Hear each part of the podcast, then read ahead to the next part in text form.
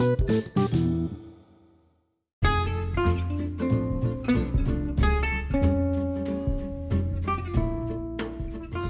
baik kita mulai. Selamat datang di podcast Anak Nagari episode 9.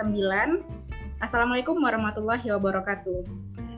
Perkenalkan, saya Aprilia Roza. Hari ini akan berbincang mengenai pengalaman perkuliahan di jurusan Keselamatan dan Kesehatan Kerja atau biasa yang dikenal dengan K3. Bersama kita sudah hadir tiga orang teman narasumber yang akan bercerita seputar pengalaman perkuliahan mereka di jurusan K3, Keselamatan dan Kesehatan Kerja di beberapa universitas terkemuka di Indonesia.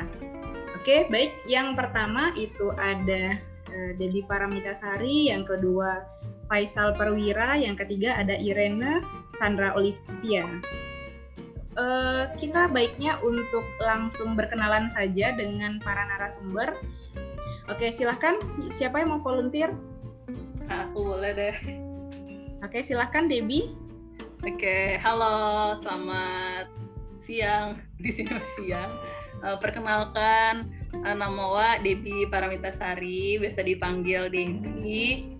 Uh, kalau tinggalnya di uh, Balai-Balai, di Muko Rumah Kajai. Uh, terus Patang tuh kuliah di uh, jurusan Keselamatan dan Kesehatan Kerja Fakultas Kesehatan Masyarakat di UI di Depok. Kalau Kiniko uh, uh, Patang sempat bekerja di beberapa tempat, terus Kiniko uh, sedang kerja jadi asisten dosen di uh, Depok lo. Sekian dari awal. Oke, uh, itu perkenalan dari uh, Debbie. Kemudian kita lanjut ke narasumber yang kedua. Silahkan siapa yang mau, uh, Faisal atau Iren? Uh, Iren lah kak. Oke, silahkan Ren. Oke, okay. uh, Assalamualaikum warahmatullahi wabarakatuh. Uh, perkenalkan, awak Irene Sandra Olivia, bisa panggil Iren. Uh, kalau peminatan itu K3 Kesling dari Universitas Andalas 2017. Alamat di Balingjang itu di Sinawai di Ladang. Oke. Uh, yang terakhir silahkan Faisal. Halo, Assalamualaikum warahmatullahi wabarakatuh. Perkenalkan, nama Faisal Perwira. Biasa dipanggil Faisal. Alamat di Balimbiang di Simpang Tarapo. Oh, Oke. Okay. Dulu sekolah di SD-nya di SD Sabale, di SMP-nya SMP 1 Rambatan, SMA-nya di SMA 1 Rambatan dan jurusannya Kesehatan Masyarakat, peminatannya ketiga. Oke. Uh, baik, terima kasih uh, kepada ketiga narasumber. Uh, mungkin untuk uh, Debbie dan uh, Iren mungkin bisa dijelaskan juga terkait riwayat pendidikannya dulu uh, mulai dari TK gitu ya sampai SMA tuh di mana. Kemudian uh, oke okay, itu dulu sebelum kita masuk ke obrolan terkait perkuliahan mungkin boleh diceritakan singkatnya uh, untuk riwayat pendidikan kepada Debbie dan Iren disilakan. Uh, mungkin boleh bi dulu ya Ren. Kalau bi uh, TK dulu di Sangka, TK Pertiwi. Terus habis itu SD uh, di rumah desa Balimbiang uh, eh, SMP-nya di Damage SMP satu Rambatan.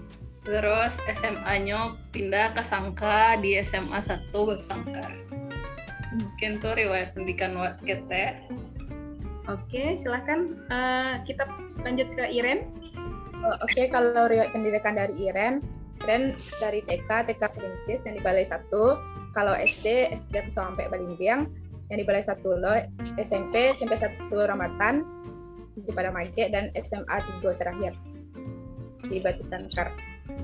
Oke, uh, baik uh, itu untuk uh, sedikit uh, flashback ya ke riwayat pendidikan dari para narasumber kita. Kemudian kita mau kepo. Uh, sekarang kalau boleh tahu teman-teman uh, kan ketika di SMA itu adalah mungkin adalah fase atau uh, proses di mana dalam proses di mana terjadi uh, apa ya pertimbangan untuk memilih jurusan yang sekarang gitu ya. Jadi boleh boleh diceritakan nggak ke teman-teman di rumah kira-kira uh, apa sih yang menjadi alasan atau motivasi dari uh, teman-teman narasumber untuk memilih jurusan yang sekarang atau jurusan yang uh, jurusan yang diambil sekarang gitu. Oke, silakan. Oke, okay, Alvin Jadi uh, waktu SMA ya mungkin lah dari SD kalau ditanya deh orang uh, Dewi kalau gadang nih jadi ya aku selalu bilang mau jadi dokter gitu. Bahkan kan waktu SD ada dokter-dokter kecil mah aku ikut terus waktu SMA ekskul yang diikutin PMR jadi kayak nungguan kalau kawan upacara terus ada yang pingsan awak ke UKS sama gagian teh gitu. terus lah pas SMA tuh tapi gambling. Masalah kayak dokter susah deh gitu. Terus adalah tetangga uh, bi namanya Pak Arya inyo jurusannya kesmas. Tapi kan dia kesmasnya biostatistik kan. Terus ya udah karena mungkin uh, banyak kan kalau di awal misalnya kalau cewek sebaiknya ke kesehatan gitu. Uh, itu masuk deh bi ke kesehatan karena dia nggak tahu apa-apa tentang teknik kayak susah deh teknik gitu. Terus ya udah milih kesehatan kesmas. Jadi pas uh, senam PTN pas ujian-ujian itu selalu milihnya kesmas sama kedokteran gitu. Terus lah beberapa ujian kesmas kedokteran. Tuh lulusnya di pilihan kedua di kedok eh di kedokteran lagi. Di kesmas di UI gitu Nah waktu itu lu tahu uh, ambil selanjutnya tuh ke K3 lah ya doa baru di kampus beko uh, pemilihan jadi K3 gitu. Oke. Okay. Nah, proses uh, pemilihan jurusan atau penentuan jurusan itu waktu kamu ketika SMA atau kamu udah selesai SMA baru dapat inspirasi, Boy? Jadi uh, waktu SMA kan masih bingung tuh. Terus ya udah mau dok kan tadi lah mau ke dokter. Terus tiba-tiba ada di kesehatan alternatif lainnya kesmas. Ya udah kesmas kan. Nah yang aku tahu kesmas nggak nggak nggak nggak begitu banyak informasi tentang kesmas itu apa. Yang tahunya misalnya tentang yang lain di kesehatan kan. Misal Karajo di Dinkes atau jadi perawat atau bidan gitu yang ditahu kesehatan sama dokter kan. Gue nggak tahu yeah. orang kesmas ini ngapain gitu. Terus ya udah pas masuk ke kesmas ternyata nyampe di sana banyak jurusannya. Yeah. waktu itu jadi ada KL biotas biostatistik terus perumah sakitan ya, PKIP uh, eh, ilmu perilaku dan administrasi kesmas banyak lah kan terus K3 gitu. Dari situ pas sampai semester kan pemilihan jurusan semester 3 pas sampai semester 2 aku nggak nggak nggak mikir mau masuk K3 kan karena nggak jelas mau milih apa. Terus ya udah um, main dapet saya beko gitu. Terus tiba-tiba bakal dia semester 2 ada kalau kita mau ngambil peminatan ada mata kuliah wajib peminatan tuh yang harus diambil di semester 2 aku nggak ngambil mata kuliah wajib K3 ya, wajib untuk jurusan K3 iya, ya, ya, ya. nggak ambil kan terus uh, adalah kakak uh, gamblingnya antara biostat sama waktu itu ke rumah sakitan. Terus ada kakak kelas satu lagi udah namanya ada Indra uh, kelas waktu di SMA 1 dia ambil K3 gitu. Terus uh, konsultasi lah sama ada Indra terus ada namanya KU Kaulan terkait jurusan itu. Jadi kayak uh, gambling antara biostat sama K3 gitu. Terus ujung-ujungnya setelah ngobrol panjang lebar sama kakak-kakak itu akhirnya memutuskan milih K3 jadi mata kuliah K3 yang di semester 2 akhirnya diambil di semester 4 oh, oh berarti pas kamu itu K3 adalah peminat peminatan ya? Iya peminatan.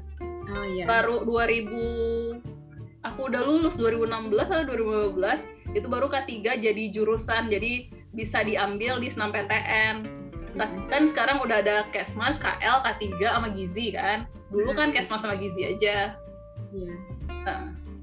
oke okay. oke okay, berarti uh, sudah berarti kamu dalam dalam memilih uh, K3 sebenarnya belum belum jelas-jelas juga ya dari dari SMA ya sebenarnya. Iya, nggak punya ide dia di di waktu SMA ada K3 gitu. Nah, iya. masuknya ke Kesmas aja nanti pas berkuliahan di tahun pertama di Kesmas itulah mengerucutnya ke K3. Uh, iya sih. Mungkin pas zaman zaman kita SMA itu uh, kacamata kita terhadap kesehatan itu masih ke kedokteran, kedokteran gigi, bidan dan uh, perawat kali ya. Jadi iya, iya, kalau padahal kalau misalkan kita lihat di undang-undang tenaga kesehatan yang sekarang sebenarnya nakes itu banyak banget ya. Iya benar banget. Nggak nggak sebatas yang tadi disebutin aja gitu. Oke, okay. uh, makasih Debbie. Kita lanjut ke narasumber yang kedua. Silahkan uh, Iren atau Faisal. Mungkin Faisal bisa bisa duluan. Oke kak. Oke silakan. Jadi dulu ngambil dulu peminatan ketiga lo indah lo sengaja lo kak. Tidak direncanakan dari awal lo dulu kan minatnya pas pas sekolah pingin kuliah di jurusan teknik. Di pas quick, quick test dulu ngambil teknik kan. Pas SBM pas yo pas SBM ngambil teknik teknik sipil sama teknik bangunan nah pas itu nggak lolos loh kan. Jadi ada caliak-caliak kan apa lah jurusan gue yang yang masuk gitu kan. Itu ada orang menyaranan ambil ketiga ambil uh, kesehatan masyarakat. Nah kebetulan kan kak Debi jurusannya kesehatan masyarakat lo kan. Kebetulan pas itu habis lulus loh. Jadi ada inspirasi terus ambil jalur mandiri di Universitas Negeri Semarang Oke, berarti kalau Nah. di di UNES itu K3 masih peminatan atau jurusan eh, Sal? masih peminatan kak Oh, masih sedang peminatan. kalau kesmas di situ tuh apa belum jadi fakultas lah dok, kaknya masih menumpang sama jurusan apa fakultas keolahragaan Oh, gitu. Nah, baru dua tahun lagi insya Allah jadi apa Di fakultas. jadi jadi fakultas lagi dirancang di apa Oke. Oke, itu berarti eh, Faisal juga ada sudah ada apa ya? Kayak mungkin ala role modelnya gitu, Debbie ala al berhasil Iya, Kak. lulus dari jurusan itu gitu kan? nah kebetulan kan dulunya ada kerajo di mana kak kerajo dulu kak di Du- Duri Di Riau, di Duri ya. Eh, di di di Riau di Duri kan kebetulan ada orang eciknya kerajo conta kerajo tak beli motornya cik kan jadi biar minat termotivasi loh adanya kan apa ketiga gue kecewa kan Heeh. Oh, berarti sebenarnya kalau eh, tadi kan minatnya Faisal di teknik gitu ya. iya kak. mungkin calik-calik dari Debbie gitu. Bis oh masih bisa kok eh, Karajo di di yang ber apa ya berkolaborasi dengan orang-orang teknik. Misalkan contohnya Debbie dulu kerja di salah satu eh, perusahaan perminyakan misalkan gitu kan. Ya oke jadi kan kebetulan minat tuh kerja kerajonya tuh kerajo di lapangan kak Ah, iya iya nah berarti oke berarti cocok lah ya sama jurusan yang kini gitu insya Allah lah cocok kak Oke, oke. eh, makasih Faisal. Mungkin eh, Iren silahkan. Oh, baik. Kalau dari Iren sendiri, eh, waktu SMA itu cuman tahu aja kesmas itu kayak apa, terus prospeknya kayak apa. Jadi Iren tuh benar-benar kurang eh, ndak sedetail Iren tahu tentang kedokteran loh gitu. Awal-awal tuh cuman emang waktu SN, SB itu pilihnya kedokteran. Itu ada waktu itu kumpulan anak nagari loh di Paldipiang. Apa situ tuh baru tahu gitu kan, oh kesmas tuh kayak gitu loh gitu jurusan kesehatan yang nggak terlalu apa ya jadinya multidisiplin ilmu gitu semua pelajaran dipelajarinya Mm-mm. Nah, pas itu tuh Iren tahu oh kayaknya asik deh gitu. Terus eh, tahu lo kesmasku nggak cuma di dalam ruangan aja karajonya gitu. Ada yang di luar ruangan. Itu tambah tertarik lah Iren untuk ambil kesmas. Itu Oke. pas ya pas SN um, emang kesmas tuh pilihan ketiga. Soalnya ambil kedokteran pilihan pertama. Kira nak lulus ya udah di SBM baru di uh, ambil mana yang FKM tuh. Pilihan kedua itu lulusnya di FKM gitu. kalau dari dosen ngecean uh, itu lah lulus di jalan yang benar gitu karena kalau dosen FKM ngecen kayak gitu kak uh, karena FKM tuh sama kayak dokternya masyarakat gitu Mm-hmm. Kalau prinsipnya FKM sendiri kan uh, dia tuh lebih baik uh, mencegah daripada mengobati gitu. Yeah. Kita prinsipnya itu preventif gitu, dan promotif. Kalau dokter, perawat dan sebagainya itu kan lah, lah sakit, wah dulu baru ada UB gitu. Iya. Makanya itu itu sebenarnya poin-poin uh, positif dari dari keilmuan kesmas itu karena memang kita bekerja selangkah lebih dulu dari tenaga nakes yang lain gitu. Jadi ya. sebelum orang sakit kita sudah mencegah Turun. orang untuk sakit gitu. Iya, Kak. Oke, berarti kalau untuk di Unan itu masih peminatan juga ya, Ren? Masih, Kak. Itu masih merupakan bagian dari peminatan gitu. Belum masuk jurusan lagi, Kak. Oh iya. Berarti uh, Iren ngambil peminatannya itu di semester berapa? um, ambil peminatan tuh di semester lima kak ngambilnya tuh semester sampai cuman semester lima adalah masuk peminatan itu Oh gitu, berarti uh, yang semester 1 sampai MP masih uh, pembelajaran dasar ya? Kayak masih dasarnya gitu kak, masih dasar kesmasnya tuh. Oke, okay. uh, itu selintas uh, motivasi atau alasan dari teman-teman narasumber kita untuk memilih jurusan yang sekarang ya. Uh, jadi kalau misalkan kita boleh uh, ini, berarti teman-teman juga berusaha untuk nyari-nyari informasi gitu ya, nyari informasi terkait jurusan gitu. Berarti sudah berproses dari ketika SMA, walaupun mungkin jurusannya sekarang bukanlah jurusan yang prioritas yang dipilih eh, pada pilihan yang pertama gitu. Tapi benar yang tadi kata dosennya Iren, sekarang sudah berada di jalan yang benar.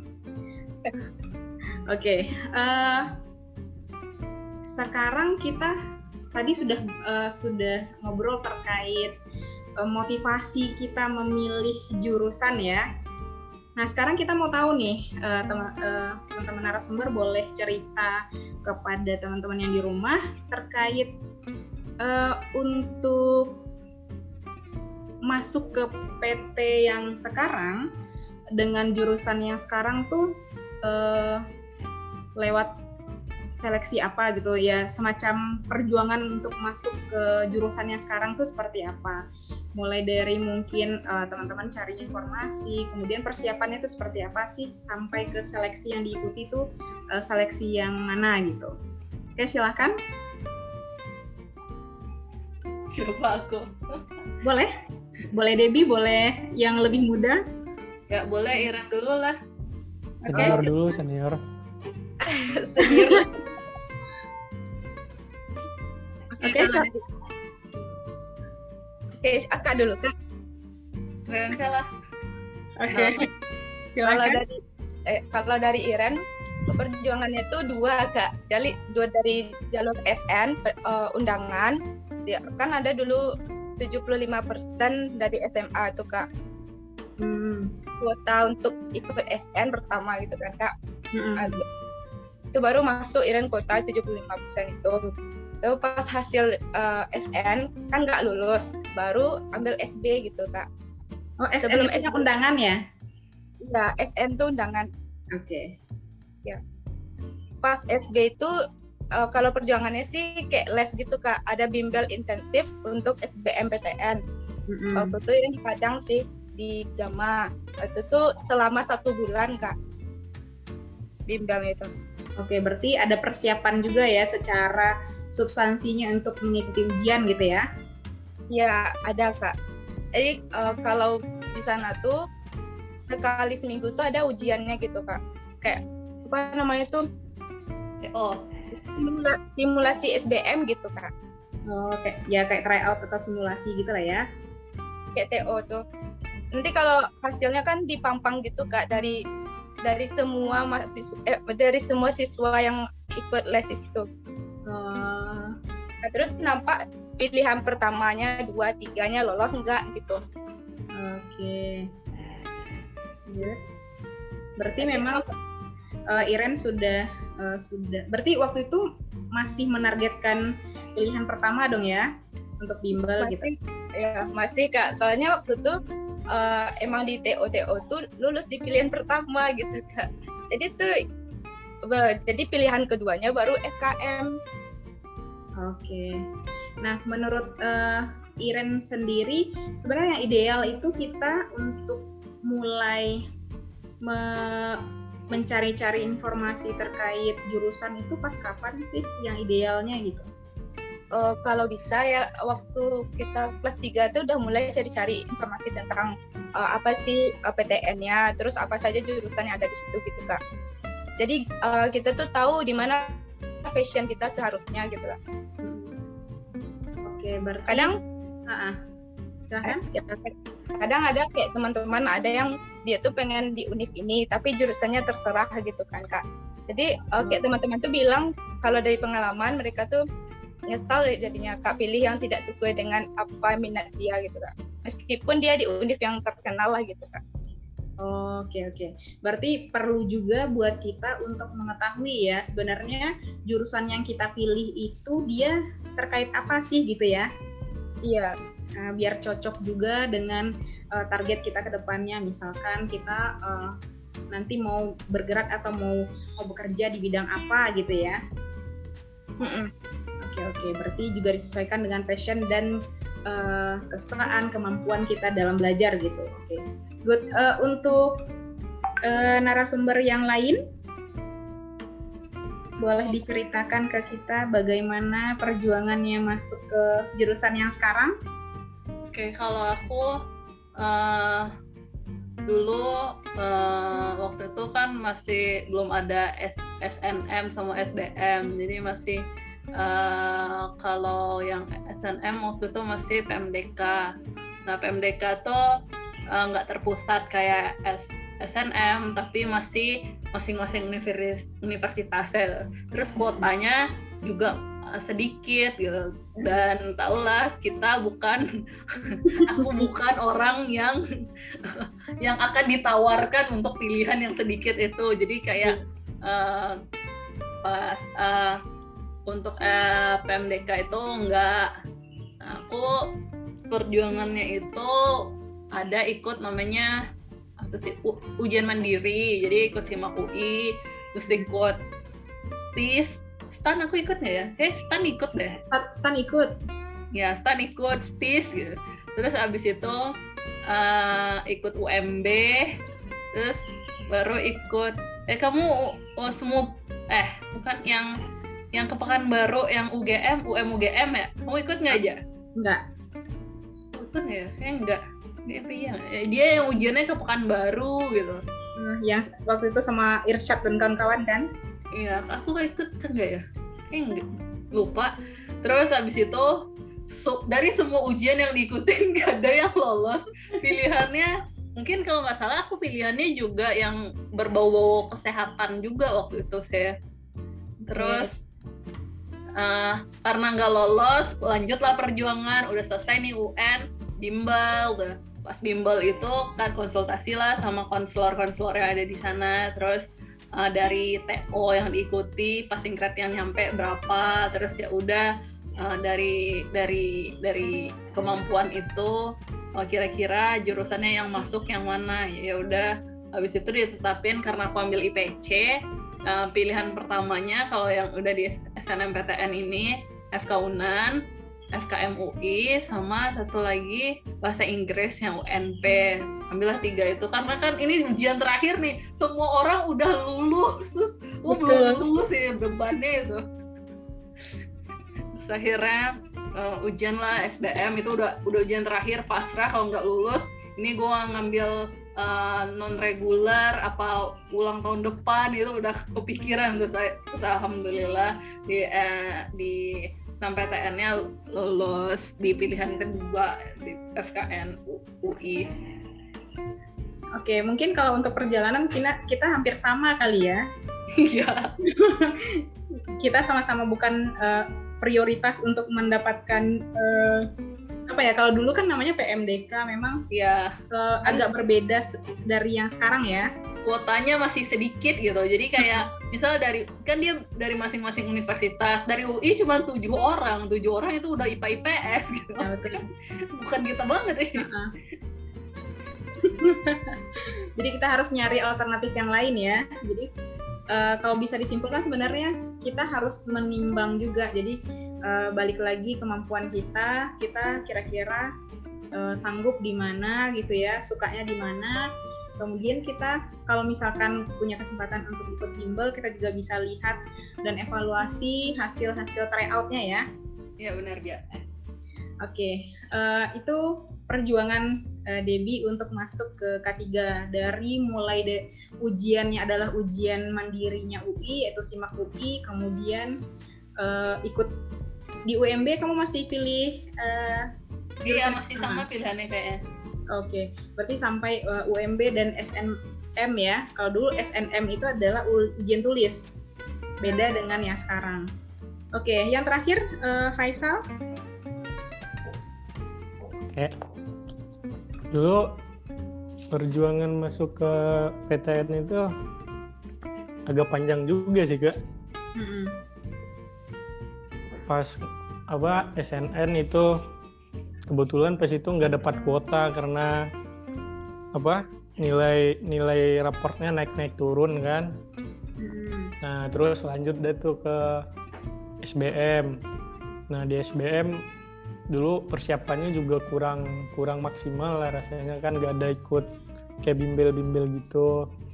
Jadi nggak lulus. Terus udah mikir-mikir tuh jalur apa lagi yang bisa diikutin gitu kan. Nah terus ada yang nyaranin ambil ambil ambil aja mandiri. Da tes datu mandiri di Semarang. Ngambil pilihan pertama itu tek- teknik kalau nggak salah. Pilihan kedua kesmas. Nah, alhamdulillah di pilihan keduanya lolos di kesmas gitu kan Oke, berarti eh, Faisal masuk di jalur mandiri ya. iya kak Oke, Eh, teman-teman narasumber kan beda-beda ya eh, jalur masuk gitu. Eh, beda juga eh, perguruan tingginya. Nah, kalau eh, boleh tahu untuk di kampus masing-masing ini ter- sebelum kita masuk ke eh, pengalaman perkuliahannya ya, kita masuk dulu biasanya jadi jadi pertimbangan juga selain eh, persiapan secara substansi biasanya ini pertimbangan orang tua sih terkait biaya kuliah. Nah, boleh nggak diceritakan kira-kira untuk kuliah di eh, perguruan tinggi teman-teman yang sudah dipilih itu biaya kuliahnya mahal nggak gitu? Nah, eh, boleh di- diceritakan ke teman-temannya atau mungkin di di kampus ada beasiswa-beasiswa yang mungkin bisa menjadi eh, alternatif juga gitu. Oke, eh, boleh diceritakan terkait biaya kuliah dan beasiswa? Oke, siapa Siapa mau dulu? duluan? Mungkin eh, Faisal duluan boleh? ya kalau untuk biaya kuliah di dulu kan pas tes mandiri itu misi juga kak Nah, pas itu nggak pas semester awal itu nggak nggak nggak nggak dapat. Terus pas semester 2 ada bidik kuota bidik misi tambahan. Hmm. Nah, jadi diurus dah tuh. Nah, bisa kak Eh, bi- dapat bidik misi tambahan. Nah. Dulu Ber- kalau uang kuliahnya untuk itu lumayan murah sih kak, kan tergantung pendapatan orang tua pas pas wawancara ya. Hmm, hmm, hmm. Jadi dapat yang murah dulu. Nah kebetulan dapat bidik misi kuota bidik misi tambahan juga. Oh gitu. Tapi kalau untuk uh, kan kalau sekarang kan disesuaikan dengan uh, pendapatan orang tua ya. Iya. Kalau boleh tahu untuk range uh, biaya kuliahnya dari berapa sampai berapa sih? Kira-kira untuk uh, di UNES? Dia ada tingkat-tingkatan sih. Yang Ah. paling mahal itu teman-teman ada yang 8 dah. Uh, yang paling kecil? Ada sejuta lima ratus, sejuta Oh. kak, sejuta. Oh, berarti cucu- cukup ini ya, cukup uh, lebar lah uh, range-nya ya. Ada yang sejuta sampai 8 juta. Itu Iya, untuk Kak. mandiri atau uh, sama dengan reguler? Kalau yang sampai 8 juta itu yang mandiri kak. Kalau yang reguler itu 5 sampai 6 juta paling tinggi. Oh, berarti mem- uh, memang agak lebih tinggi kalau mandiri ya. Iya kak. Oke, berarti sekarang kalau Faisal uh, sudah dapat beasiswa bidik misi berarti ya dari semester berapa? Jadi semester 2 lah Oke, sampai semester dua. sekarang. Berarti kalau untuk bidik misi itu yang ditanggung apa aja? Kalau untuk bidik misi itu uang kuliah UKT, UKT dibayar sama dapat uang bulanan. Itu Oh, berapa ya? 600 ribu apa enam setengah itu sebulan? oh, berarti lumayan lah ya. Berarti uang kuliah Iya. uh, udah udah nggak bayar lagi gitu ya? Eh, iya kak. Hmm. Oke. Eh, selain bidik misi, ada lagi nggak eh, beasiswa yang lain uh, salin di situ yang bisa kira-kira di diambil oleh mahasiswa atau di di apply? Ada sih kak kayak kayak beasiswa beasiswa jarum gitu. Hmm, Bisa di situ. Berarti kalau beasiswa dari Ada dari juga yang banyak lah ya? ah. ada juga yang dari pribadi gitu. Hmm, Ada yang dibiayain sama dosennya. oh gitu. Iya Oke. kak. Berarti memang beasiswa cukup banyak lah ya. Harusnya kalau Nah, pinter-pinter kitanya aja nyarinya gimana. Mm-mm. Betul. Kalau di perguruan tinggi dan khususnya perguruan tinggi yang sudah eh, bagus, sudah besar gitu, biasanya beasiswanya memang banyak sih. Iya. Oke. Eh, makasih Sal. Eh, lanjut ke Iren mungkin. Kalau dari Iren sendiri sih, oh, Iren kan mahasiswa bidik misi kak, jadi nggak ada bayar uang kuliah. Hmm, itu dari awal. Ya dari semester 1 kak. Oh, berarti berarti eh, Iren apply dari eh, SMA ya, dari SMA. Ya hmm, dari SMA Iren itu lulus kak. Oke. Eh, berarti sekarang Iren memang nggak bayar ya perkuliahannya. Enggak, nggak ada bayar kak. Oke, tapi untuk yang teman-teman yang bayar misalnya itu, untuk range di di Unan berapa sih beasiswanya? Eh, eh, biaya kuliahnya? Kalau untuk biaya kuliah itu ada 7 UKT kak, UKT level 1 sampai 7. Kalau untuk level 1 itu 1 juta. Kalau level 7 7 juta 700. Itu biasanya yang level 7 ke anak mandiri kak. Oh gitu. Berarti sekarang memang perguruan tinggi udah menerapkan UKT ya? Udah kak, sesuai berapa sih penghasilan orang tuanya gitu kak. Oh gitu. Berarti nanti eh, untuk me, apa ya? Kan itu disesuaikan dengan pendapatan orang tua. Nah itu biasanya kita memasukkan informasi terkait penghasilan keluarga itu pas kapan Ren? Eh, pas kita pendaftar waktu pendaftaran daftar ulang itu kak Oh berarti dikonfirmasi ya ketika pendaftaran ulang. pas kita udah dinyatakan lulus Hmm oke. Soalnya kalau dulu eh, di UI kan juga pas kami juga sudah menerapkan kalau di Oh, oh. sana namanya BOPB, tapi prosesnya lupa gitu. Apakah mengajukannya itu ketika ketika awal mendaftar atau pas daftar ulang gitu. Berarti memang eh, dikonfirmasinya ketika pendaftaran ulang ya?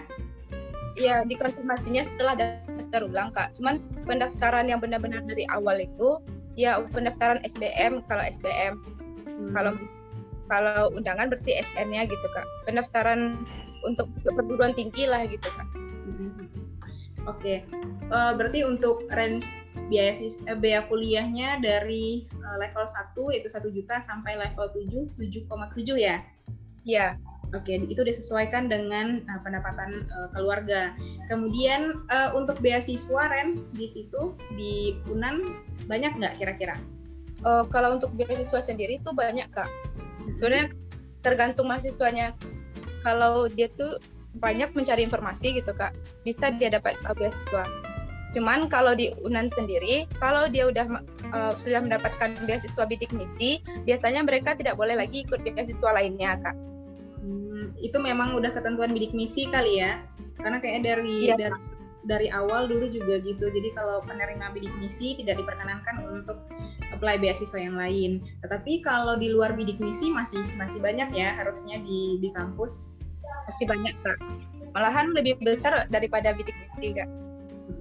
Cuma kan uh, kayak ada juga pas zaman kami itu PPA BBM itu masih ada ya? Masih.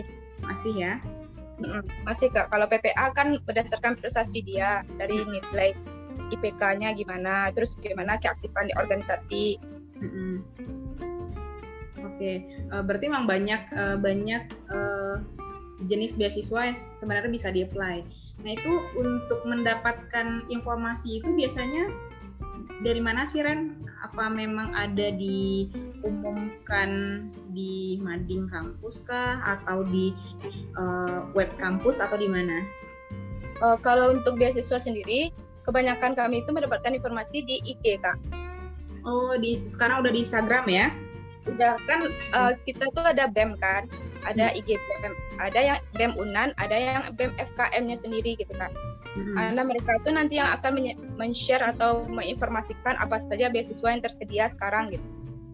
Oh, berarti memang sudah disediakan uh, semacam portal gitu ya untuk me-share uh, informasi-informasi terkait uh, beasiswa gitu ya. Iya, Kak. Dan biasanya kadang kalau dari organisasi itu ada namanya KESMA. Departemen Kesma inilah yang akan memberikan informasi ke mahasiswa-mahasiswa tentang uh, beasiswa apa saja yang ada gitu kan. Oke oke. Berarti harusnya uh, mahasiswa punya kesempatan yang besar ya untuk mendapatkan beasiswa di kampus kalau misalkan dia tidak mendapatkan uh, beasiswa bidik misi gitu ya? Iya. Tergantung orangnya lagi kak. Oke. Okay.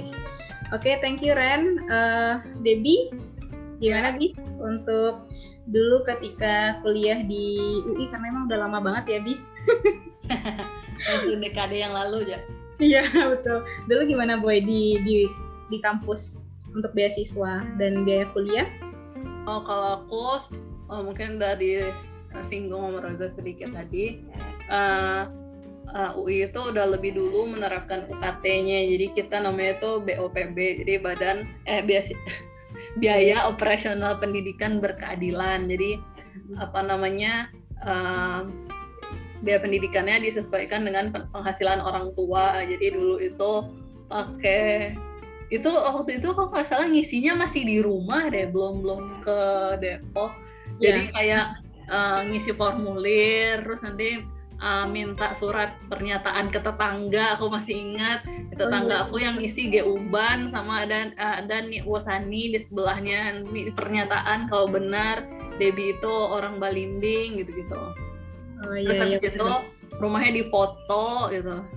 Nah dari situ di, diajukan lah yang tadi maksimal ya untuk uh, sains itu tujuh setengah juta jadi aku dapetnya satu setengah ditambah seratus ribu kayak uang kebersihan gitu. Jadi kayak seratus juta enam ratus semesteran aku. Sama kalau nggak salah um, apa namanya uang pangkal aku 5 juta deh. Lima ya? Iya kalau nggak salah.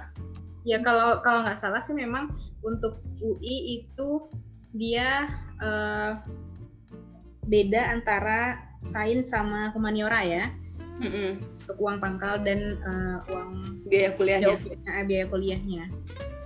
Oke okay, ya. berarti ada nggak uh, boy pas zaman kamu kuliah itu yang BOPB-nya sampai nol?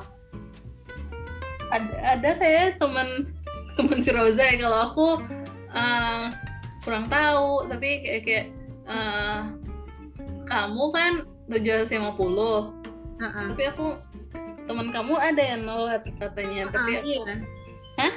Iya pas zaman ada sih teman di uh, kedokteran gigi. Oke. Okay.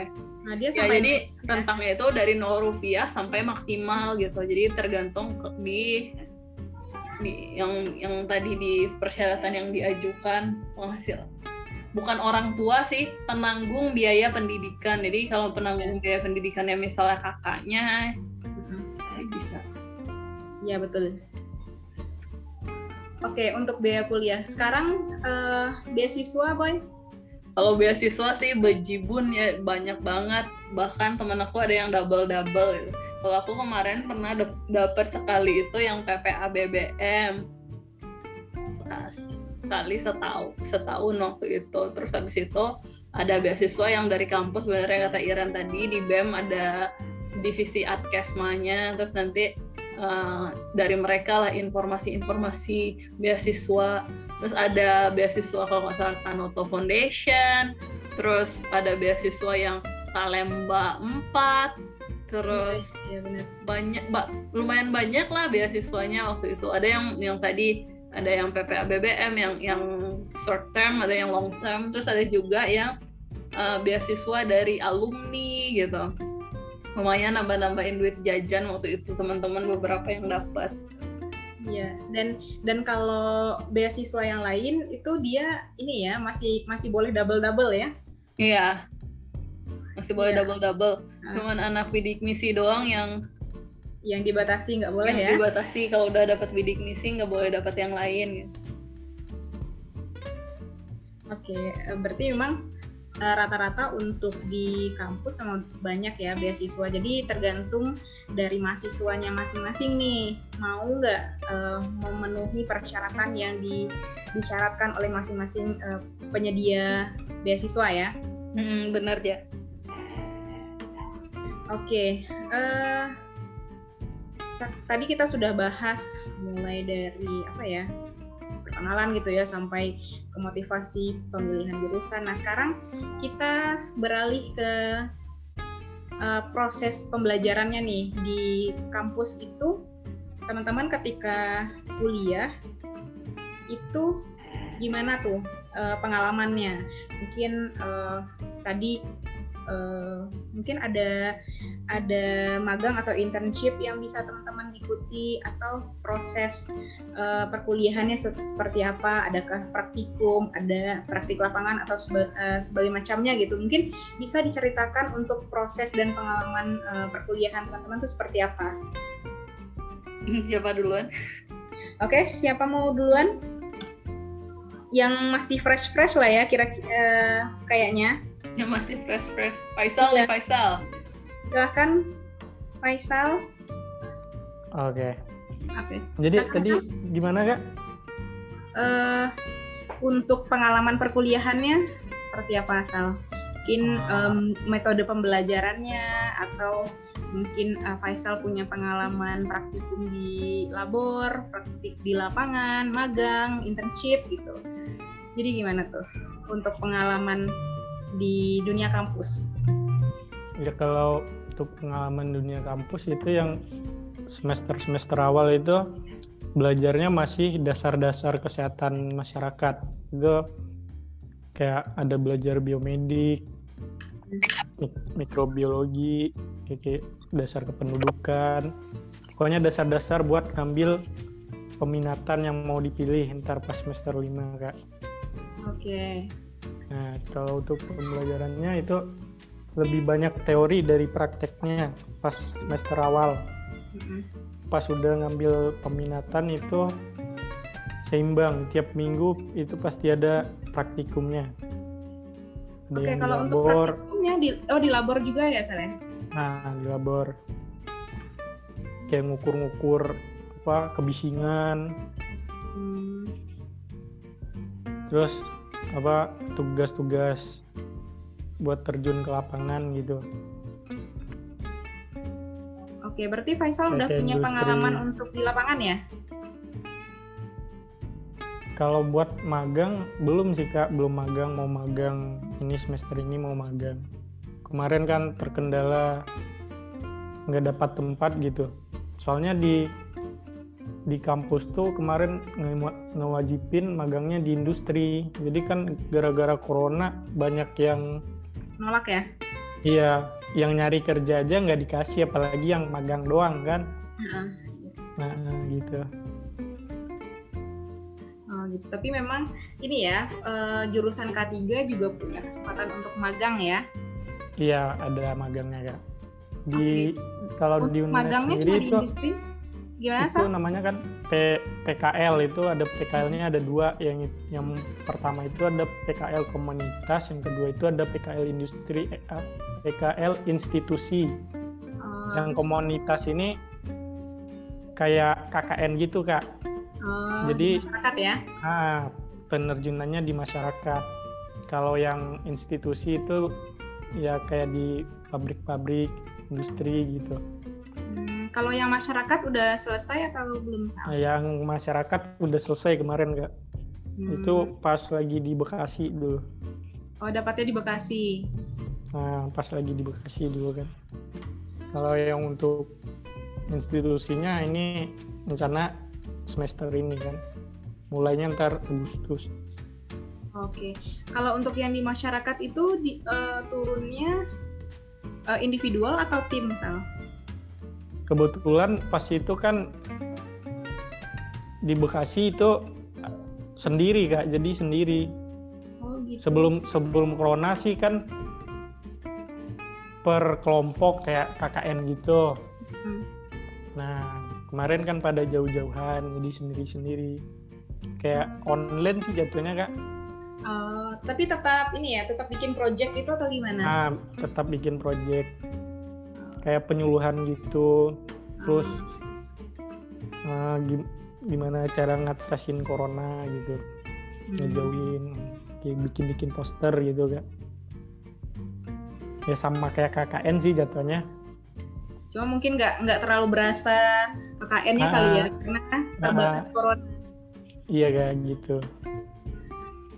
Oke, berarti memang eh, K3 pun dapat kesempatan untuk magang di masyarakat ya, karena mungkin eh, dia di bawah naungannya eh, kesehatan masyarakat mungkin ya. Iya, Kak. Kayak gitu. Oke, eh, sukses untuk nanti magang institusinya ya. Eh, lanjut ke Iren. Iren udah stabil jaringan. Gimana sekarang kak? Nah, ini lumayan Iren. Oke, kalau dari Iren, eh, kuliahnya itu semua semua ilmu itu dipelajari kak. Mulai dari ada ilmu sosial, ilmu budaya, ilmu hukum, ilmu kepemimpinan, eh, kehumasan, semuanya kita pelajari kak. Karena kesmas itu kan ilmu yang eh, jurusan yang multidisiplin ilmu gitu. Semua ilmu kita pelajari gitu kak. Mm.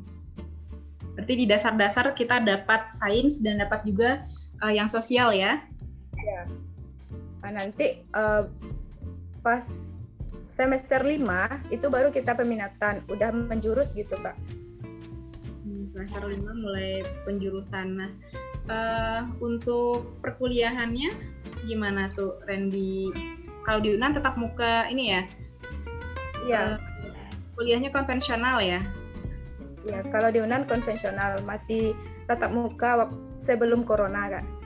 Oh, berarti kalau sekarang udah berarti udah setahun setahun online kali ya? Lebih ya. Oke, kalau untuk eh, sekarang Iren semester berapa? Oh, sekarang ada semester 8 kak. Oh, berarti udah udah skripsi ya? Udah selesai kak. Oh, udah selesai. Iya, Kak. Ah, Oke. Eh, dulu Iren juga- mau wisuda aja. Oh gitu.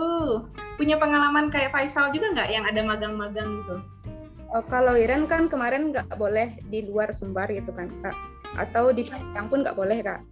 Jadi magangnya itu emang di daerah masing-masing. Oh, karena Iren dapatnya juga pas lagi pandemi ya? Ya, kami pandemi jadi nggak boleh keluar gitu.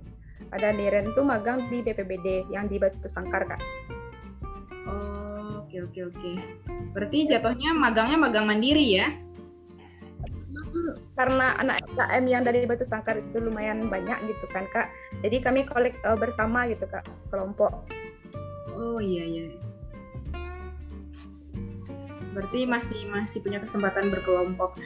Oke okay, uh, kepo dong Ren untuk kan udah selesai skripsi tuh. Udah. Skripsinya tentang apa Ren? Kalau skripsi Ren itu tentang stres kerja kak penyakit akibat kerja. Oke. okay penyakit akibat kerja. Itu uh, ini ya, pakai kuesioner ya? pakai kuesioner. Subjeknya siapa Ren? Uh, kalau Iren ke petugas pemadam kebakaran enggak? Berarti Iren ini dong ya, uh, pengambilan datanya pun pas pandemi ya? Iya, pas lagi corona. Berarti or, uh, ini orang-orang di sana masih mau diwawancara? Masih, masih bisa alhamdulillah mereka tuh kayak nerima gitu kak. Welcome orangnya. Di Sangkar ya iya kak. Oke. Okay. berarti ini ya masih karena kalau kalau di Batam agak ini agak strict. Mungkin karena kampus kesehatan kali ya jadi harus ini harus benar-benar nunggu keputusan. Kalau misalkan mereka uh, skripsian atau KTI di rumah sakit agak terkendala gitu sih. Kadang tuh rumah ya. sakitnya nggak mau terima gitu. Sama kalau di kami pun gitu kak. Oke okay. mungkin Iren karena uh, di bukan instansi. kesehatan kali ya? Kalau instansi di luar kesehatan masih nerima gitu kak. Tapi kalau kayak rumah sakit puskesmas dinas kesehatan itu nggak mau dia terima kak. Oke okay, oke. Okay. berarti teman-teman yang mungkin awalnya tertarik di uh, instansi-instansi itu harus putar ini ya, putar haluan ya. Ya, harus ganti judul ya, Kak. Iya, benar. Oke, okay, uh, eh, tapi kalau untuk uh, di labor ada juga nggak Ren dulu pas uh, perkuliahan? Um, harusnya ada kak kan kalau kami labornya itu pas semester 5 sama 6 gitu kak semester 5 itu teorinya semester 6 baru praktik di labornya cuman karena covid jadi lab, apa pelajaran itu lewat online gitu kak. Belajar di alat online. Oh berarti uh, dosennya bikin demo gitu ya? Iya kayak gitu kak. Oke okay, oke. Okay. memang uh, pandemi ini bikin semuanya spesial sih. Terus lihat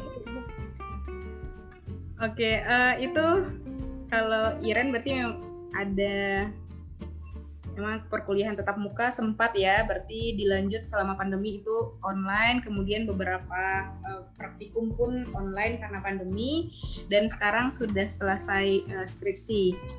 Oke, okay. uh, eh, makasih Ren. Kita lanjut ke Debbie. Ya, mungkin kamu ber, mau bercerita suka duka terkait uh, perkuliahan dulu gimana? Ya, kalau perkuliahan um, mungkin hampir sama sama Faisal sama Iran tadi. Awal-awal itu pelajaran-pelajaran dasar kayak matematika, fisika, belajar kalkulus, terus uh, yang tadi ada anatomi, ada belajar juga itu satu semester atau dua semester gitu.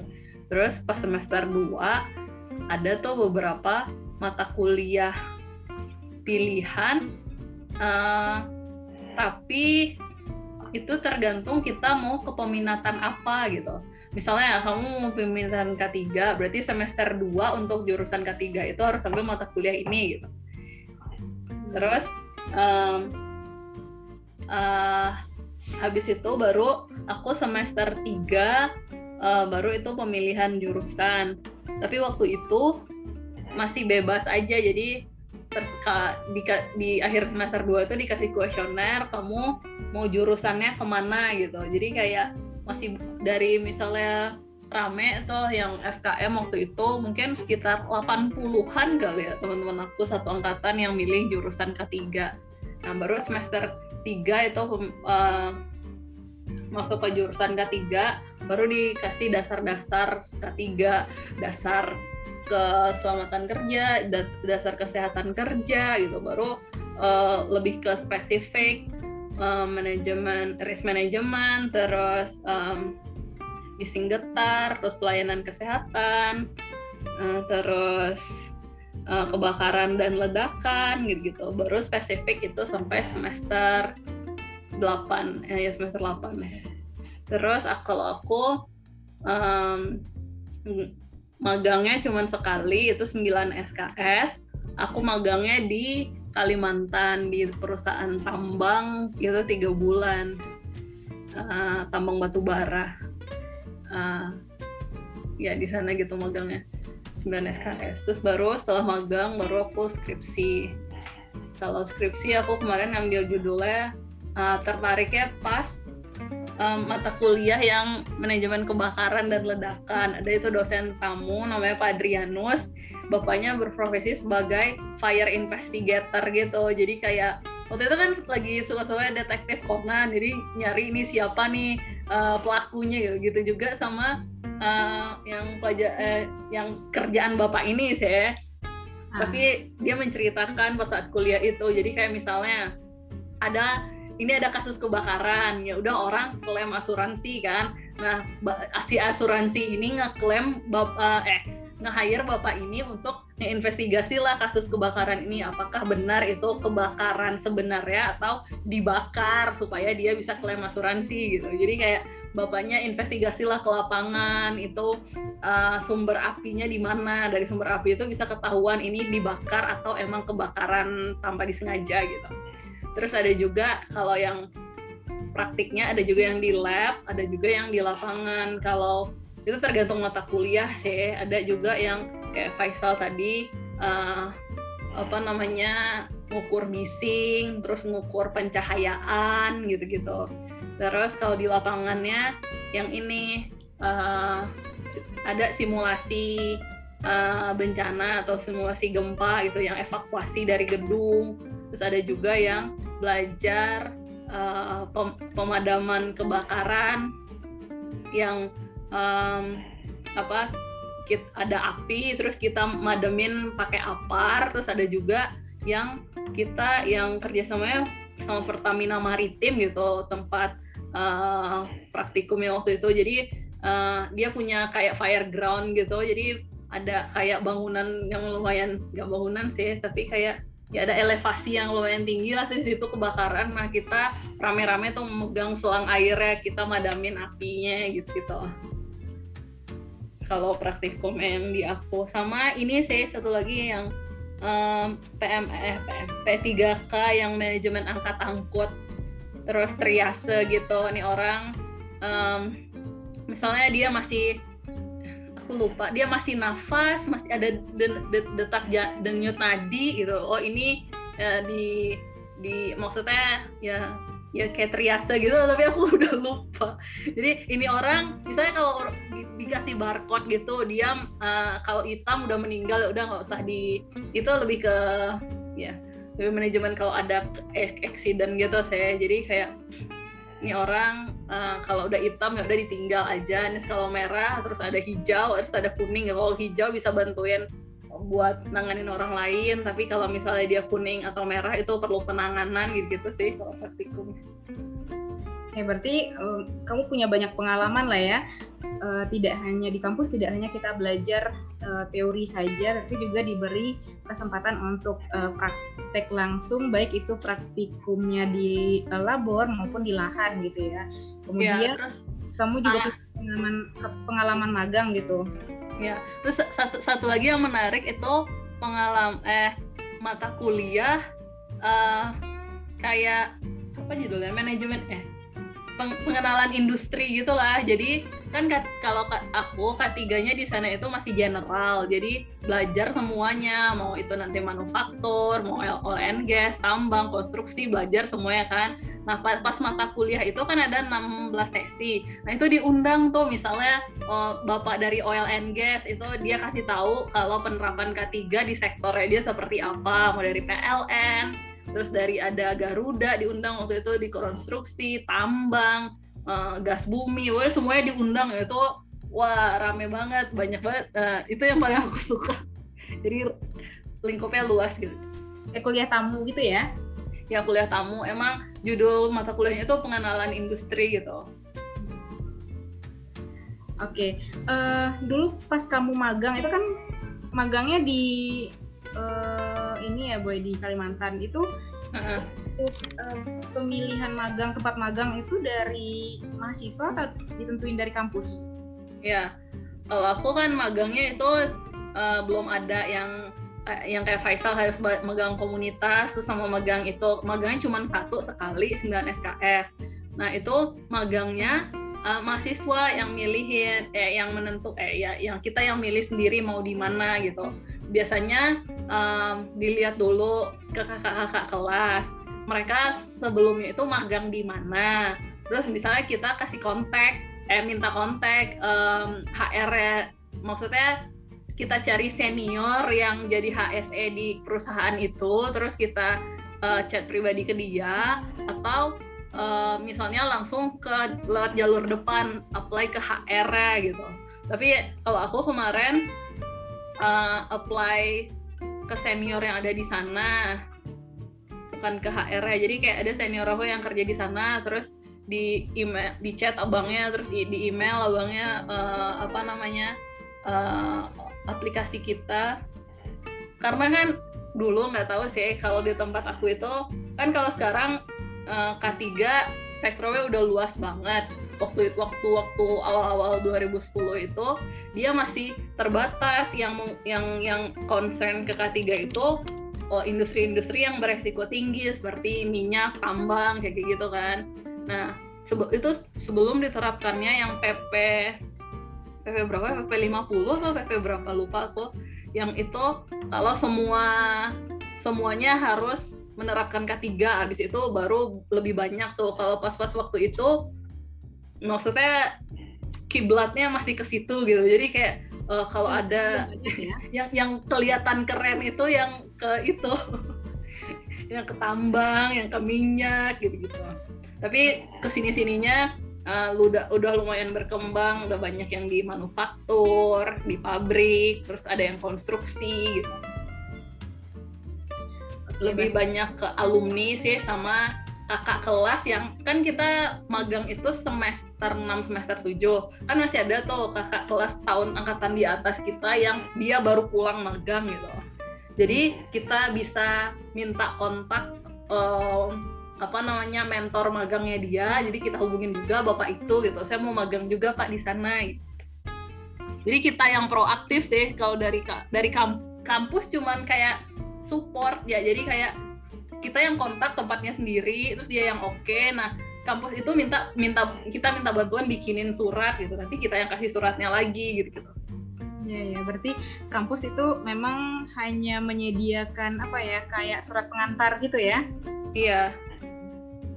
Oke, sama berarti uh, kita memang uh, dituntut untuk uh, apa ya, lebih lebih cekatan aja untuk uh, menghubungi uh, perusahaannya gitu ya. Jadi yeah. kan kita harus men menyiapkan uh, mungkin proposal atau apalah yang dibutuhkan untuk uh, proses magang ini. Oke. Okay. Yeah, uh, udah menarik banget ya kita sudah berbincang-bincang ini udah hampir satu setengah jam mulai okay. aku udah cerita skripsi sih belum ya udah ya aku belum uh, tadi kamu sempat singgung uh, skripsi terkait uh, yang makanya kamu langsung korelasikan ke dosen tamu itu loh. Oh ya ya ya atau kamu mau nambah informasinya terkait skripsi kamu. Ya aku skripsinya itu keselamatan kebakaran di high rise building kayak gedung bertingkat. Kalau di salah satu gedung bertingkat ada lantainya kayak 50 gitu di di Jakarta. Jadi um, di situ aku melakukan analisa uh, keselamatan kebakaran pakai software namanya CFSES. Terus dari situ dihitung gedung itu sudah layak atau belum. Terus dari di situ tuh berdasarkan NFPA 101 sama 101A gitu regulasinya. Terus dari situ kita evaluasi sih gedung ini sudah uh, keselamatan kebakarannya seperti apa. Kalau ada yang masih kurang, rekomendasinya seperti apa gitu-gitu aja sih. Oh, berarti kamu skripsi bukan yang menggunakan instrumen kuesioner ya? Bukan, tapi ada walkthrough survei-nya jadi checklist untuk uh.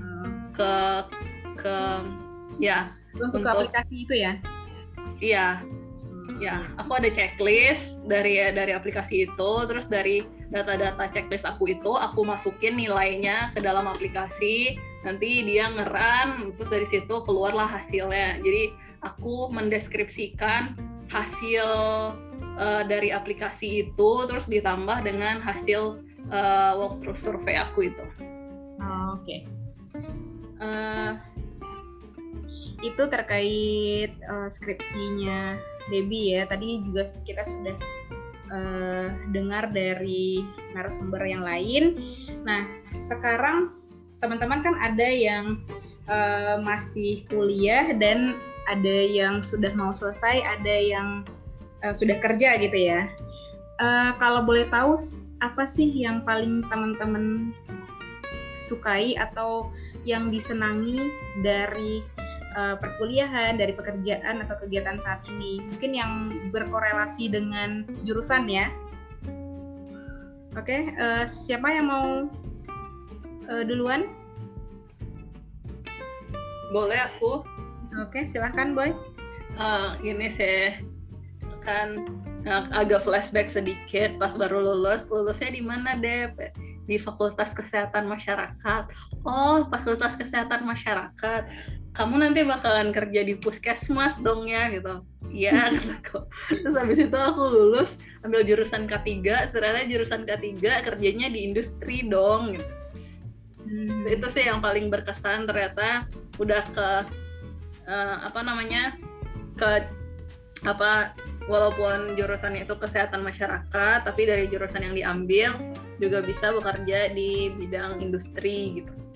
Itu yang paling berkesan sih. Jadi pengalamannya uh, bersinggungan dengan orang-orang teknik gitu terus uh, ya itu kalau, yang paling kalau dulu pas zaman kita kesmas itu belum terlalu hits ya Iya belum terlalu hits. Jadi informasinya juga masih sedikit. Jadi kalau karena kesmas, oh mungkin puskesmas kali ya tempat kerjanya gitu. Iya. Berarti uh, kira-kira uh, menjadi sesuatu yang ini nggak uh, yang sangat bermakna nggak buat kamu boy? Iya. Kamu pilih jurusan ini? Iya sih. Jadi uh, ya dari dari dari pemilihan jurusan ini kan tujuannya kalau ngobrol-ngobrol sama angkatan eh sama kakak kelasnya yang tadi menyarankan itu kalau di jurusan K3 itu uh, kan akan jadi HSE officer nanti di di perusahaan. Terus itu akan ini sih bidikannya itu lebih antara soft skill dan hard skill gitu sih ya kalau misalnya yang hard skill ya bisa dipelajari dikasih di di kampus lah. Tapi kalau soft skill kayak kita akan jadi orang ketiga otomatis kita akan misalnya kasih uh, safety morning talk atau uh, kasih apa. Jadi itu um, banyak soft soft skill yang di dipelajarin seperti presentasi menjelaskan ke orang terus nge-coaching orang. Lo anak kemarin sore yang baru lulus nih bapak-bapak udah 20 tahun kerja di situ lo harus komunikasikan uh, misalnya peraturan yang baru sama mereka. Jadi kayak banyak banget yang um, di, bisa dipelajarin. Terus aku baru lulus baru pertama kali kerja harus nge-training orang. Isinya satu aula ya 50 orang lebih dan itu bapak-bapak semua. gitu sih. Jadi uh, selain dari misalnya dari segi keilmuannya juga ada uh, soft skill soft skill lain yang dipelajari gitu. Uh, berarti kesimpulannya kamu satisfied dengan jurusan yang kamu pilih? Sejauh ini uh, aku uh, ya senang sekali dan uh, aku kira beruntung bisa ada di uh, jurusan ini sejauh ini. Sejauh ini berarti memang sudah uh, ini ya sudah sangat menikmati ya karena ketika kamu lulus kuliah kamu langsung kerja di yang tadi kamu ceritakan gitu ya. Mm-hmm. Jadi memang uh, langsung linier gitu kuliah dan uh, kerja kamu gitu. Oke. Okay. Iya. Yeah. Uh, tadi terkait yang uh, soft skill gitu sebenarnya uh, kita di kampus itu tidak hanya disupport untuk substansi uh, materi aja ya sebenarnya. Yeah. Uh, dari dari proses pembelajaran pun sebenarnya uh, seperti di perkuliahan tatap muka pun uh, aku yakin semua jurusan pasti punya punya uh, kesempatan atau punya apa ya pengalaman yang melakukan apa ya kayak diskusi atau presentasi di uh, di di kelas gitu. Nah sebenarnya itu uh, sangat bermanfaat ya ketika kita sudah uh, selesai di, dari perkuliahan gitu karena kemampuan-kemampuan yang kayak gitu membuat presentasi yang bagus kemudian uh, bagaimana cara kita mendeliver ilmu ilmu atau pengetahuan yang kita punya ke orang atau ilmu komunikasinya ya itu mm sangat penting ternyata ya iya uh, oke okay. um, kita lanjut ke narsum yang lain lah ya. Kita Boleh, coba, silakan. Kita dengar uh, pengalamannya atau uh, apa ya? Kalau sekarang kan seperti Faisal kan masih kuliah nih. Kira-kira uh, Faisal yang tadinya ini bukan uh, jurusan yang uh, prioritas prioritas dipilih, tapi sekarang sudah sangat menjiwai atau gimana nih Sal? Sudah menemukan kesenangannya belum di jurusannya sekarang? Udah sih kak. Okay. Soalnya kan banyak pengalaman-pengalaman baru yang didapat ya kak. Uh-uh. Kayak yang diceritain Kak Debi tadi kan praktekannya praktikumnya banyak gitu. Kayak kebakaran, terus ada pak kalau terjadi bencana menanggulanginya gimana gitu terus terjun langsung ke lapangan gitu gitu sih yang dikangenin sama pas suasana kampusnya aja. Oke, berarti uh, Faisal sudah menemukan hal yang disukai ya di, di jurusan yang sekarang. Nah. Uh, karena mungkin di awal-awal kita belum punya paparan pengetahuan terkait jurusannya belum terlalu banyak, tapi iya, selama ya, belum tahu apa-apa. Ya, uh, selama Faisal sudah berproses di jurusan ini, sudah menemukan kesenangannya, oh ternyata seru ya gitu. Uh. Semoga sampai nanti nanti magang, kemudian skripsi dan pekerjaan uh, masih tetap menyenangkan menyenangkan ya Sal? Ya amin. Oke okay, uh, eh, kalau Iren gimana nih Ren yang sudah mau wisuda nih? Uh, plus dari itu pengalaman kuliah ya kak? Kan K3 itu apa yang bikin senang itu karena di K3 itu kita turun ke lapangan gitu kak. Terus ada kegiatan kunjungan ke perusahaan-perusahaan yang ada di sekitar daerah kita. Hmm. Ke Padang misalnya ke Penanggung Jantan, terus ke bandara, ke PT Lembah Karet dan sebagainya. Jadi kita tahu gimana sih proses saat ini itu gimana uh, apa aja APD yang dipakai kelas ini siapa sih KSE-nya di sana? Di lapangan yang lainnya itu seperti KTPA KTPA siapa sistemnya? Ada sanitary landfill dan sebagainya kan? Mm-hmm. IPLT gimana sih mengolah limbah sama tinja itu sampai dia tuh bersih gitu baru bisa dibuang ke sungai. Itu sesinya kalau kita tuh ketiga kita lebih seru tuh ke bisa turun ke lapangan beda sama peminatan yang lain oke berarti uh, Iren sudah apa ya kalau boleh disimpulkan sudah sudah sudah satisfied, sudah sangat senang dengan pemilihan jurusan walaupun jurusannya juga bukan pilihan pertama. Alhamdulillah. Berarti sudah punya gambaran juga ya untuk nanti nanti bidikan uh, lapangan pekerjaannya seperti apa. Alhamdulillah. Nah, kalau kita berbicara terkait prospek pekerjaannya dari uh, jurusan jurusan K3 itu di mana saja sih, teman-teman? Uh, salah satunya itu HSE, Kak. Uh, HSE di perusahaan-perusahaan gitu ya? Iya. Oke, selain HSE ada lagi nggak? Bisa audit, audit K3. Oke, audit K3. Terus? Uh, bisa konsultal, konsultal. Hmm. Iya konsultan K3 juga bisa kan. Oke konsultan K3 berarti cukup banyak ya harusnya nggak nggak hanya uh, eh, HSE aja gitu mungkin. Iya uh, kan semua pekerjaan sekarang harus ada K3-nya kak. Ya benar. Jadi uh, bagi teman-teman atau adik-adik yang mau uh, memilih K3 harusnya nggak nggak perlu cemas ya karena memang lapangan pekerjaannya cukup luas gitu. Iya.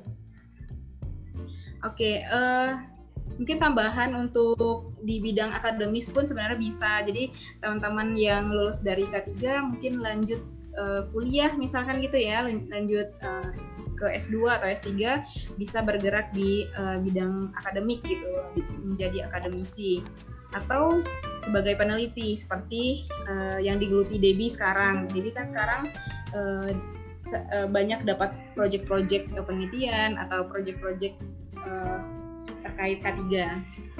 Hmm, benar. Ya kan, jadi nggak nggak terbatas di HSE aja ya, Boy?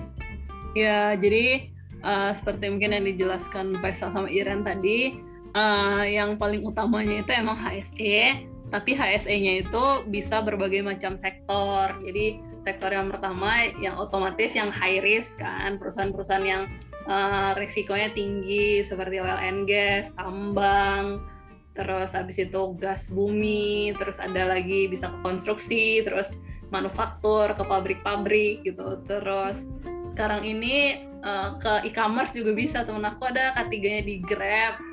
Terus um, ada kata UMKM juga udah lumayan. Temen aku ada uh, sekarang uh, perlu juga tuh uh, K3 di UMKM sama di pariwisata apalagi sekarang sejak ada corona kan ada CHSE tuh hmm. ketiga di sektor pariwisata juga bisa terus yang ya banyak yang udah dijelasin juga tadi. Ke trainer auditor. Oh kalau kalau yang di e-commerce itu kira-kira kerjaannya seperti apa ya boy? Kalau di e-commerce itu kemarin dia lebih ke misalnya uh, ke regulasi. Jadi kayak perusahaannya itu memenuhi persyaratan K3 gitu enggak. Terus karena dia di Grab lebih ke investigasi dan lagi. Misalnya ada um, apa namanya uh, mitranya itu yang kecelakaan terus diinvestigasi itu hmm. uh, ya terus pelatihan juga kali ya Bisa. ya kepelatihan dan penyuluhan juga jadi K3 itu kan kesehatan, eh kalau HSE itu kan ada tiga tuh keselamatan, keselamatan kerja, kesehatan kerja dan lingkungan. Jadi di situ gabung tuh yang jadi K3 itu bisa dari FKM, terus dari teknik juga banyak atau yang teknik lingkungan gitu. Oh. Ngeberesin masalah limbah.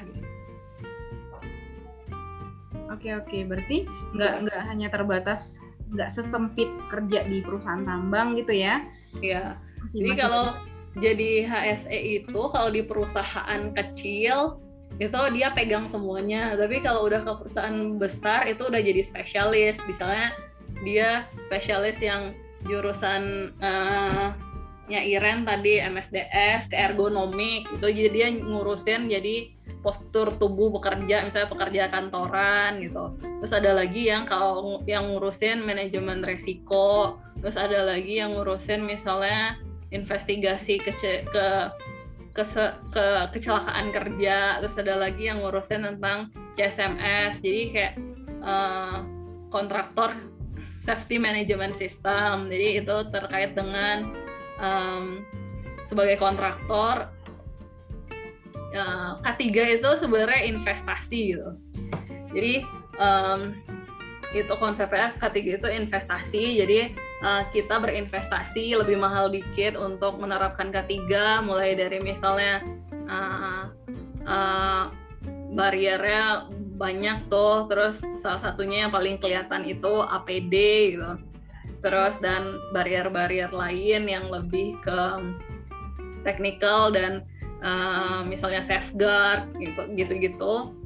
Uh, biarlah kita ngeluarin duit demi investasi itu daripada kalau kamu kecelakaan terus di shutdown kamu nggak produksi. Terus misalnya kalau untuk um, perusahaan pabrik atau manufaktur sementara kamu masih apa namanya nge-repair perusahaan kamu yang tadi kecelakaan dan harus berhenti produksi ini pasar penjualan produk kamu udah disabat sama kompetitor gitu. Jadi mendingan uh, investasi K3 terus mencegah yang yang tadi um, kesmas banget yang disampaikan Iren biarlah mencegah daripada nanti udah kecelakaan ya udah ruginya ru belum rugi ke orangnya bayar ke pemerintah terus um, pokoknya lebih lebih rugi lah kalau harus kecelakaan dulu gitu. Ya ya ya. Dan itu kenapa dia ada di bawah uh, Kesmas ya? Uh, iya. Karena memang prinsipnya sama bahwa mencegah itu lebih baik daripada mengobati. Iya. Tapi uh, ada beda-bedanya sih. Kalau uh, ketiganya dari Kesmas lebih banyak ke manajemennya. Tapi ada lagi yang ketiganya lebih ke teknikal itulah nanti kita perlu banyak buat koordinasi dengan orang-orang teknik tergantung dengan apa nama tadi sektor ya tadi oke oke oke berarti uh, bagi adik-adik yang sedang uh, mungkin lagi SMA gitu ya mau ya. mau masuk ke dunia perkuliahan nanti bisa eh, K3 menjadi salah satu alternatif jurusan yang bisa dipilih karena dari kita dengar tadi uh, mulai dari proses pembelajarannya seperti apa karena memang kita punya kesempatan untuk uh, belajarnya di, di lapangan juga ya nggak hanya di di bangku di di, di ruang perkuliahan gitu Iya benar. sangat uh, menyenangkan. Kemudian secara prospek pekerjaan pun sangat luas. Jadi sekarang semua perusahaan harus uh, menerapkan K3. Jadi uh, bagi yang mau masuk K3 nggak usah uh, apa ya uh, khawatir dengan lapangan pekerjaannya karena memang sangat luas sekali. Oke, okay. Iya. yeah. uh, terakhir nih uh, untuk closing, boleh nggak teman-teman berikan pesan ke adik-adik yang ada di kampung khususnya yang uh, sedang berjuang di, bangku sekolah di SMA uh, kira-kira apa nih pesannya untuk nanti masuk ke dunia perkuliahan? Boleh silahkan Iren Oke, kalau dari Ren sendiri mungkin adik-adik tuh nggak perlu takut lagi kalau terkendala biaya. Kan orang biasanya orang tuanya tuh nggak ngizinin buat kuliah, oh biayanya mahal, itunya mahal gitu kan. Kalau sekarang kan udah ada beasiswa banyak malahan gitu. Jadi iya. nggak perlu takut kalau soal biaya. Pasti ada solusinya. Terus um, satu lagi Terus uh, kalau bisa dalam memilih jurusan itu memang sesuai dengan minat dan passion kita. Takutnya nanti kita menyesal kalau udah udah dulu di sana. Berarti benar-benar dicari dulu ya informasinya ya Ren? Dicari dulu informasinya tuh sebaik mungkin sebanyak-banyak. Oke, jadi uh, adik-adik yang di kampung juga sebenarnya bisa tanya-tanya ke kakak-kakaknya yang sudah berkuliah gitu ya, sudah kuliah di jurusan yang sama, uh, atau uh, mau menanyakan ke jurusan yang berbeda juga itu oke okay kalau kakaknya bisa memberikan informasi. Oke, okay, uh, ada lagi Ren untuk pesannya? Ini dari Ren itu aja. Oke, okay, Faisal silahkan ada pesan-pesan nggak untuk adik-adik di kampung? Pesan ya hampir sama sih kayak Iren kak. Hmm. kalau udah dari sekarang di dirancang mau kuliah ke mana gitu. Kalau buat ngelapor lapornya distabilin nilainya. Sama ikutin bimbel-bimbel gitu. Untuk persiapan ya? Nah, persiapannya harus matang sih dari soal soalnya sekarang kayaknya seleksinya makin ketat ya kayak hmm. makin berat gitu. Kayak gitu sih kak. Oke berarti uh, harus aktif mencari informasi kemudian secara uh. materinya disiapin mungkin dengan bimbel atau belajar mandiri ya. Ya yang penting usahanya dulu. Kalau buat biaya ya yang dikatain Iren banyak banyak beasiswa sekarang gitu kan ntar pas kuliah juga bisa kerja part time Iya, iya benar-benar. Oke, uh, ke beralih ke De ke Debbie silahkan. Apa yeah. pesan-pesannya Bi untuk adik-adik? Kalau dari aku sih uh, mungkin banyak-banyak nyari informasi ya.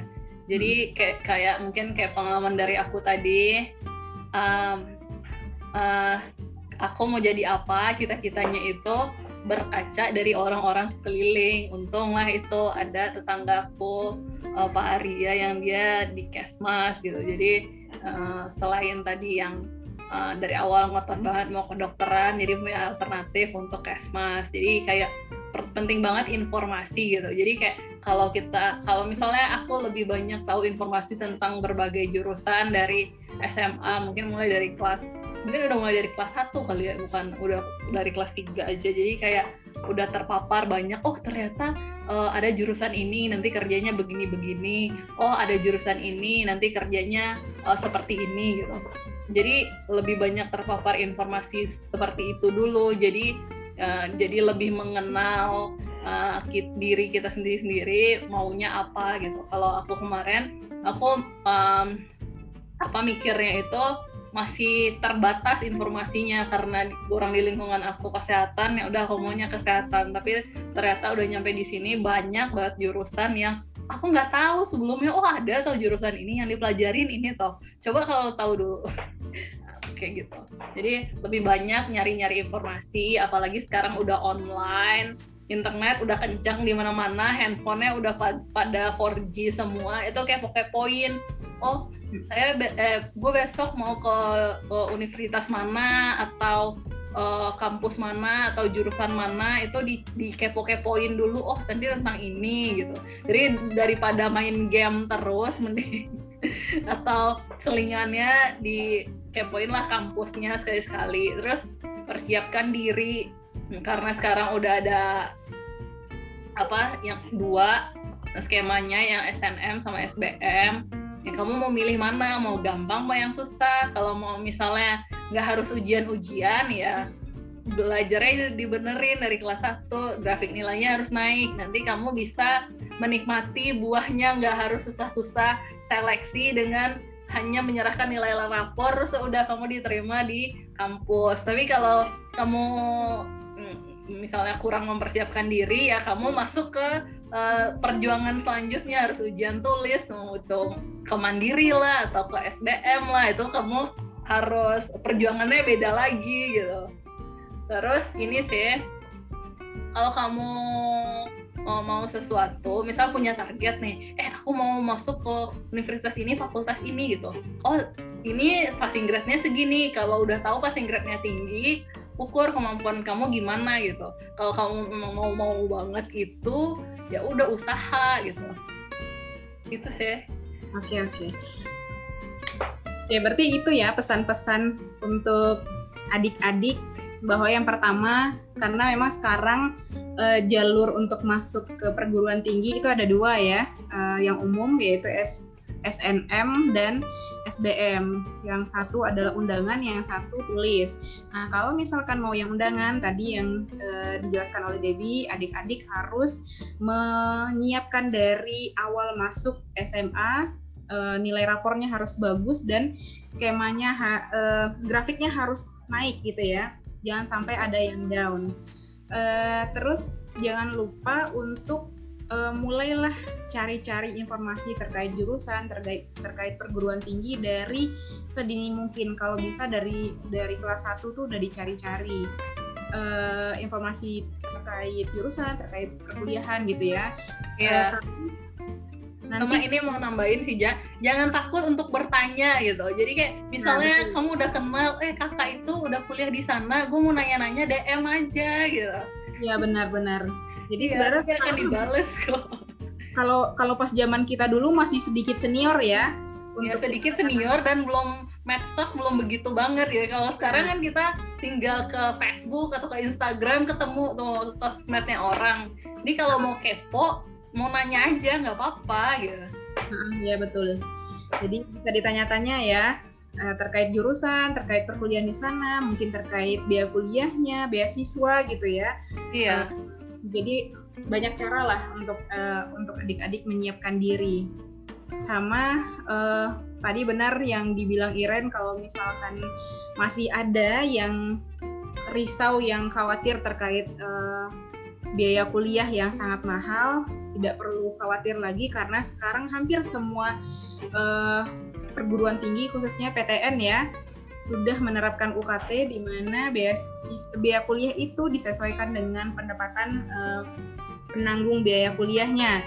Sehingga bisa disesuaikan. Kemudian kalaupun masih merasa uh, bahwa itu masih berat ya, itu bisa kita akalin lagi dengan beasiswa. Karena di kampus banyak beasiswa. Sekarang ada bidik misi yang bisa kita apply dari uh, selesai SMA kemudian ada beasiswa di kampus, ada PPA BBM, ada dari instansi swasta gitu ya. Itu bisa teman-teman uh, atau adik-adik di kampung uh, manfaatkan gitu, jangan dilewatkan begitu saja. Oke, okay, uh, eh, okay. sekian pertemuan kita hari ini karena sangat sangat sudah panjang sekali obrolan kita. Kita akhiri. Uh, obrolan kita siang eh sore hari ini. Terima kasih kepada Debbie, Iren dan Faisal sudah uh, berbagi pengalamannya ya kepada adik-adik di kampung. Semoga tetap bisa memberikan uh, manfaat untuk uh, masyarakat. Ya, amin. Makasih juga. Oke, terima kasih ya sudah bergabung sore ini. Iya. Ya. Oke, kita tutup, Boy ya tutup oke uh, kita tutup dengan bacakan Alhamdulillahirobbilalamin Assalamualaikum warahmatullahi wabarakatuh Waalaikumsalam. Waalaikumsalam. Terima kasih. Bye bye. Sehat-sehat ya. Sukses semuanya. Yo.